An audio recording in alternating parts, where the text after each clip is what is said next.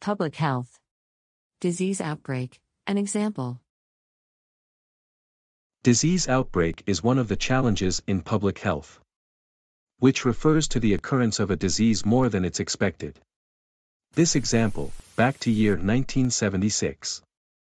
When more than 2,000 members of the American Legion attended a four-day annual convention. Three days after convention, four of them died from an unknown disease. And over the next few days many attendees started to have persistent coughs, generalized pain, with chills and fever. In less than one month, 25 people died and many hospitalized.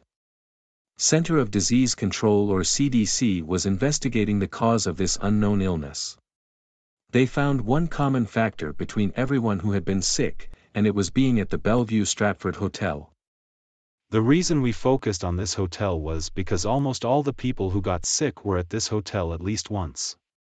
Generally in such situations, we want to know, who, when, where, and how, get the disease. We searched the hotel from top to bottom, and at first we didn't find the source of disease. But later we traced an unknown bacteria in the air conditioning system. At that time they were referring it as Legionnaire's disease, the name stuck, and today we call it Legionella. After that, some more Legionella outbreaks via air conditioning units, spas, and swimming pools happened. And it was the public health sector, who contacted the authorities for new rules and regulations in these places to prevent the next outbreak. Okay, let's summarize it.